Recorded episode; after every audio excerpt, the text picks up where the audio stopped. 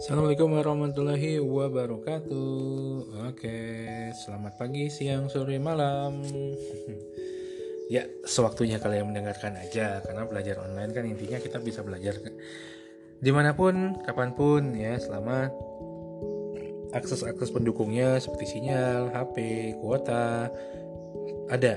Ya kalau nggak ada, nasib. ya, uh, kita akan masuk ke materi materi berikutnya ya yaitu masih sekitar uh, eh, VOC oke okay. nah uh, kalau di episode yang lalu kita sudah mempelajari bahwa VOC itu uh, didirikan setelah kedatangan para penjelajah ya penjelajah datang ke Indonesia kemudian uh, melakukan kongsi dagang akhirnya terbentuklah VOC nah beberapa tentang apa yang dilakukan VOC secara umum ya. Sudah kita jelaskan juga di semester di, di, di episode yang lalu.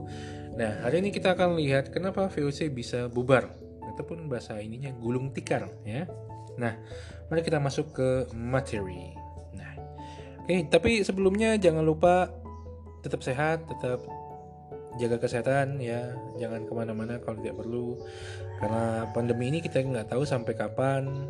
Jadi tetap pakai masker di mana pun anda berada pakai masker. Walaupun mudah-mudahan tidak terjadi. Kalau anda kena mungkin anda tidak kenapa-napa karena imun anda kuat anda masih muda. Tapi seandainya kena ke orang tua ke kakek kalian yang punya penyakit bawaan dan imunitasnya tidak kuat, nah itu akan menjadi bahaya.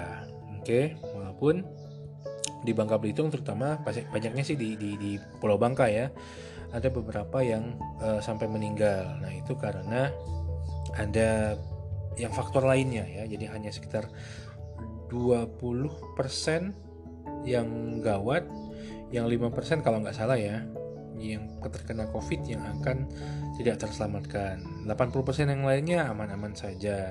Nah, yang berbahaya dari pandemi ini adalah penyebarannya, bukan keganasannya. Ya, gitu. Jadi penyebarannya sangat bahaya sekali karena dalam sekali kita bertatap muka, misalnya kita ketemu dengan orang yang COVID positif, kemudian tidak pakai masker dua-duanya, kemungkinan besar kita akan terkena. Makanya hati-hati. Nah, lanjut ke materi. Nah, uh, pada abad ke-17 hingga awal abad ke-18, VOC mengalami puncak kejayaan. Nah, penguasa dan kerajaan-kerajaan lokal di Nusantara umumnya berhasil dikuasai. Nah, kerajaan-kerajaan ini sudah menjadi bawahan dan pelayan kepentingan VOC. Jalur perdagangan yang dikendalikan VOC menyebar luas, membentang dari Amsterdam, Tanjung Harapan, India, sampai Irian atau Papua. Nah, keuntungan perdagangan rempah-rempah juga melimpah sangat luar biasa. Namun, di balik itu ada persoalan-persoalan yang bermunculan. Semakin banyak daerah yang dikuasai ternyata juga membuat masalah pengelolaan semakin kompleks. Semakin luas daerahnya, pengawasan juga semakin sulit. Kota Batavia semakin ramai dan semakin padat. Orang-orang timur asing seperti Cina dan Jepang diizinkan tinggal di Batavia sebagai pusat pemerintahan VOC, Batavia juga semakin dibanjiri penduduk dari luar Batavia sehingga tidak jarang menimbulkan masalah-masalah sosial.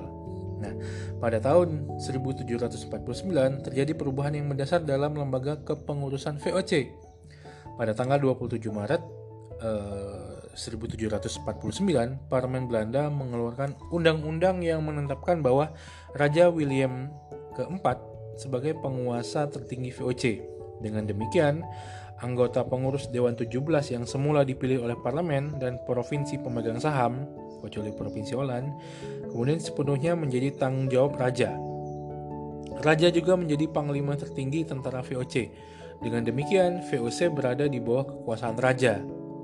Nah, pengurus VOC mulai akrab dengan pemerintah Belanda. Kepentingan pemegang saham menjadi terabaikan. Pengurus memperkaya diri dan tidak lagi memikirkan kemajuan usahanya. Nah, VOC sebagai kongsi dagang swasta, keuntungannya semakin merosot. Bahkan tercatat pada tahun 1673, VOC tidak lagi mampu membayar dividen. Kas VOC juga merosot karena serangkaian perang yang telah dilakukan VOC dan, dan beban hutang pun tidak terelakkan. Nah, sementara itu para pejabat VOC juga mulai menunjukkan sikap dan perilaku yang uh, gila hormat dan cenderung feodalis. Pada tanggal 24 Juni 1719, Gubernur Jenderal Henricus Farn Henricus Zwaardekron mengeluarkan ordinasi untuk mengatur secara rinci cara penghormatan terhadap Gubernur Jenderal kepada Dewan Hindia beserta istri dan anak-anaknya. Misalnya, semua orang harus turun dari kendaraan apabila berpapasan dengan pejabat-pejabat tertinggi. Uh, warga keturunan Eropa harus menundukkan kepala dan warga bukan orang Eropa harus menyembah. Kemudian, Gubernur Jenderal Jacob Mossel yang juga melakukan ordonasi pada tahun 1758. Nah, ordonansi itu mengatur kendaraan besar. Misalnya, uh, kereta harus ditarik 6 ekor kuda hiasannya harus berwarna emas dan kusirnya orang Eropa. Nah, untuk kereta kebesaran gubernur jenderal, sedangkan untuk anggota uh, Dewan Hindia, kuda yang menarik kereta hanya empat ekor dan hiasannya warna perak. Nah, nampaknya para pejabat VOC sudah mulai gila hormat dan ingin berfoya-foya dan pastinya membuat anggaran dari VOC sendiri menjadi semakin terbebani. Nah, posisi jabatan dan e, berbagai simbol kehormatan itu tidaklah lengkap tanpa hadiah dan upeti. Sistem upeti ini ternyata juga terjadi di kalangan para pejabat. Para pejabat di bawahannya kepada pejabat yang lebih tinggi. Hal ini semua terkait dengan mekanisme pergantian jabatan di tubuh organisasi VOC. Semuanya bermuatan korupsi. Gubernur Jenderal Van Horn konon menumpuk harta sampai dengan 10 juta gulden ketika kembali ke Belanda pada tahun 1700 Sementara gaji resminya hanya sekitar 700 gulden per bulan. Gubernur Maluku berhasil mengumpulkan kekayaan sekitar 20 sampai 30 ribu gulden dalam waktu 4 sampai 5 tahun saja. Dengan gaji sebesar 150 gulden per bulan. Nah, mulai-mulai ya. Dan untuk menjadi karyawan VOC harus menyogok.